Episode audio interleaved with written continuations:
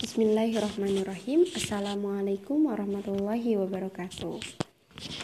Uh, Alhamdulillah jumpa lagi dalam podcast uh, ketiga. Masih dalam pembahasan siroh dakwah rasul. Nah pada pembahasan kali ini uh, Saya ingin menyampaikan sedikit tentang melanjutkan ya pembahasan kemarin tentang permusuhan terhadap dakwah Rasul. Nah, kemudian uh, pada kesempatan kali ini saya akan menyampaikan tentang interaksi dakwah yang dilakukan oleh Rasulullah.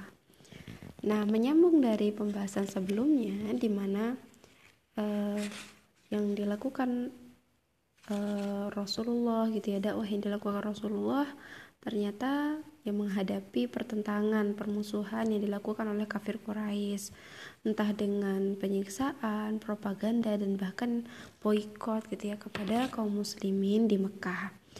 Nah, dari namun dari peristiwa itu kita bisa lihat satu poin ya selain eh, yang dilakukan oleh orang kafir Quraisy, kita juga bisa melihat bagaimana interaksi yang dilakukan oleh Rasulullah adalah tetap melakukan interaksi, tetap melakukan interaksi dakwah. Nah, e, karena memang Rasulullah SAW mendakwah menampakkan kutlah beliau, menampakkan kelompok dakwah, dakwah beliau dan secara terus-menerus melakukan aktivitas dakwah itu menantang siapa pun yang uh, apa ya masih melakukan aktivitas-aktivitas yang tidak sesuai dengan syariat Islam. Nah, dan terus mengajak untuk akhirnya masuk ke dalam Islam dan e, mengimani Allah Subhanahu wa taala. E, maka dari itu esensi dakwah gitu ya, memang e, mengandung perlawanan terhadap kafir Quraisy dan masyarakat Mekah ketika itu karena dakwah Rasul itu mengajak untuk satu mengesahkan Allah beribadah itu hanya kepada Allah dan meninggalkan sesembahan-sesembahan yang di disembah oleh orang-orang kafir orang-orang oleh orang-orang kafir Quraisy ketika itu yaitu berhala serta melepaskan diri dari semua sistem yang rusak di mana mereka hidup di dalamnya. Itulah esensi dakwah yang dilakukan oleh Rasulullah dulu di Mekah. Nah, maka dari itu e, karena dakwah ini yang dilakukan oleh Rasulullah menentang segala bentuk kekufuran gitu ya pasti ada respon gitu. Pasti ada respon seperti uh, yang dijelaskan pada pembahasan sebelumnya tentang permusuhan dakwah. Uh, respon-respon itu suatu yang wajar alamiah memang dihadapi ketika uh, melakukan aktivitas dakwah. Nah, sehingga dari sini ya, bagaimana mungkin dakwah Rasul itu ya tidak akan berbenturan kepada orang-orang kafir Quraisy? Sementara beliau menyampaikan tentang um, mer, apa namanya mengajak kembali kepada penyembahan hanya kepada Allah. Kemudian juga uh, merendahkan Tuhan-Tuhan mereka karena yang disembah adalah sesuatu yang salah gitu ya. Kemudian menyeb, um, mencela cara-cara kehidupan mereka yang memang sesat gitu. Untuk diajak kembali kepada Islam Nah, ini kan gambaran sistem jahiliyah yang uh, terjadi di masa itu. Maka ketika Rasulullah melakukan hal demikian pasti ada benturan-benturan. Gitu. Nah, karena memang juga uh, syariat yang diturunkan gitu ya uh, oleh Allah Subhanahu wa taala ya bertentangan dengan apa yang dilakukan atau praktek-praktek yang dilakukan di masa itu gitu. Maka dalam Al-Qur'an misalkan menyerang praktek riba, uh, yang mewarnai kehidupan mereka ketika itu. Kemudian juga dalam Al-Qur'an uh, mengancam orang-orang yang melakukan kecurangan, takaran dalam timbangan yang mana itu juga dilakukan banyak prakteknya ketika itu. Maka dari itu, orang-orang kafir Quraisy mengambil sikap dengan apa? menghalangi dakwah yang dilakukan oleh Rasulullah bahkan kadang melakukan penyiksaan, pemboikotan dan propaganda terhadap aktivitas dakwah uh, Rasulullah dan para sahabat.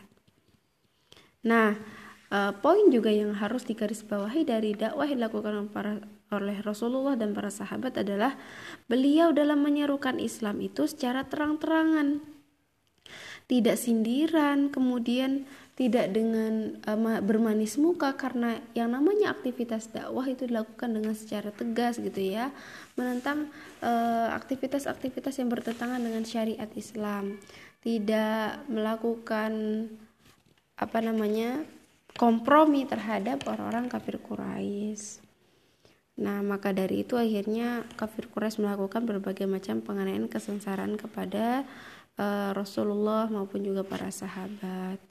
Namun yang dicontohkan oleh Rasulullah adalah Rasulullah tetap teguh memegang Islam, teguh dalam mendakwahkan Islam meskipun berbagai macam uh, rintangan yang menghadapi dakwah Rasulullah.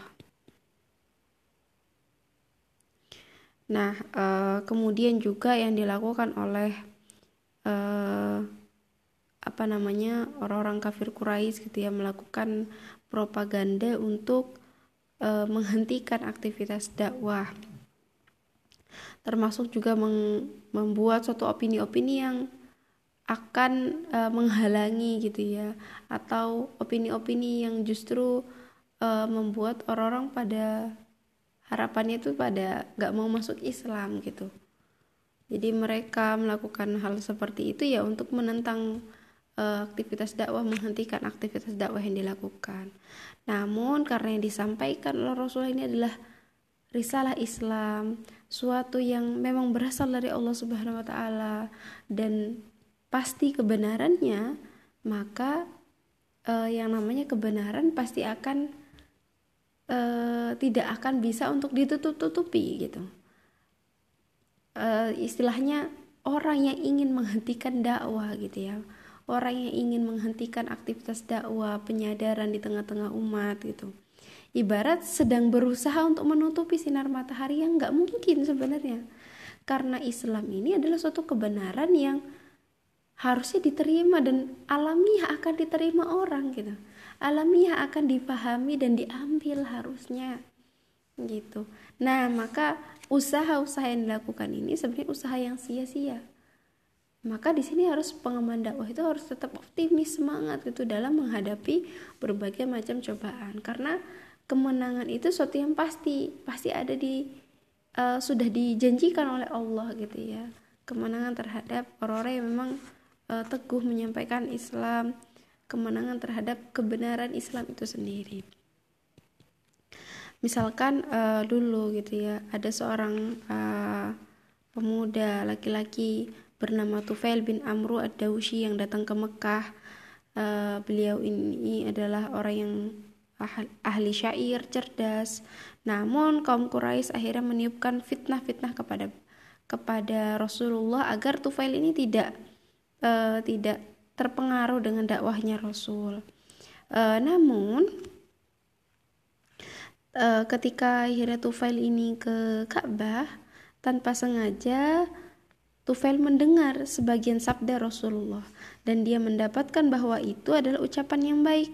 Lalu dia berucap dalam hatinya, Demi kemuliaan ibuku, demi Allah, sesungguhnya aku seorang penyair yang cerdas dan tidak ada satupun hal terpuji maupun tercela yang tersembunyi dariku. Lantas, apa yang mencegahku untuk mendengarkan apa yang dilakukan? Dikatakan laki-laki ini, jika dia datang untuk membawa hal yang terpuji, pasti aku menerimanya. Dan jika dia datang dengan membawa hal yang tercela, maka aku tinggalkan. Kemudian Tufail ini mengikuti Rasul hingga ke rumahnya dan memaparkan urusannya. Dan apa-apa yang tadi mungkin disampaikan gitu ya oleh orang-orang kafir Quraisy, um, apa namanya opini-opini yang justru buruk terhadap Islam Kemudian beliau membacakan ayat Al-Quran, Rasulullah membacakan ayat Al-Quran kepada Tufail, maka dia masuk Islam. Dengan mengucapkan syahadat dan kembali kepada kaumnya untuk mengajak mereka masuk Islam. Nah, e, itu salah satu dari yang dilakukan oleh orang-orang kafir Quraisy ya. Jadi ucapan e, orang-orang kafir Quraisy ya tidak mampu gitu untuk memalingkan e, seseorang dari kebenaran Islam. Nah, karena memang bahkan sejatinya orang-orang kafir Quraisy pun juga terpengaruh, ya, terpengaruh terhadap aktivitas dakwahnya.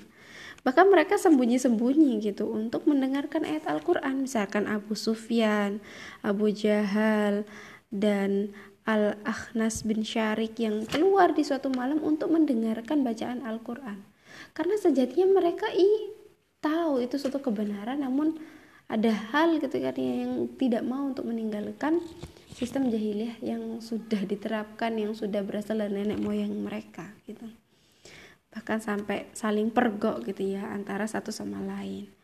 Nah, demikianlah akhirnya dakwah terus berjalan di semua lini meski berbagai uh, yang dilakukan gitu ya, uh, penindasan, rintangan dalam dakwah. Nah, uh, hal ini karena dakwah terus berjalan, uh, maka semakin membuat kafir Quraisy itu khawatir gitu terhadap aktivitas dakwah. Maka uh, orang kafir Quraisy terus meningkatkan penganiayaan. Bahkan ketika itu uh, Rasulullah pergi ke Bani Sakif kemudian justru mendapat penol mendapatkan penolakan di sana. Uh, namun Rasulullah tetap tegar tetap teguh di dalam melakukan aktivitas dakwah ini nah inilah yang bisa kita uh, ambil pelajaran dari um, tema interaksi dakwah yang dilakukan oleh Rasulullah yang namanya aktivitas dakwah itu pasti akan mendapatkan ujian, pasti akan mendapatkan rintangan-rintangan. Namun eh, yang perlu digarisbawahi, yang perlu kita tekankan lagi kepada diri kita dan para pengembang dakwah adalah yaitu tetap kuat gitu ya, tetap tegar, kuat dalam melakukan aktivitas dakwah. Dan terus saja karena yang kita bawa ini adalah suatu kebenaran insya Allah dan kebenaran itu akan mudah diterima oleh orang gitu ya. Dan alamiahnya kebenaran akan terus uh, apa namanya ya akan menang gitu. Dan Allah sudah menjanjikan kemenangan bagi kaum muslimin Nah, tinggal bagaimana akhirnya kita sebagai pengaman dakwah terus-menerus melakukan aktivitas dakwah, berinteraksi di tengah-tengah umat, interaksi dakwah agar umat pun juga paham, Islam pun menyebar, uh, umat kembali uh, menginginkan gitu ya, menginginkan agar tegaknya Islam sehingga Islam bisa tegak, uh, syariat Islam bisa diterapkan secara kafah di muka bumi itu dari saya bisa uh, nanti insya Allah ke depannya kita jumpa lagi di pembahasan yang lainnya lagi ya. Uh, itu saja. Mohon maaf jika ada kesalahan. Wassalamualaikum warahmatullahi wabarakatuh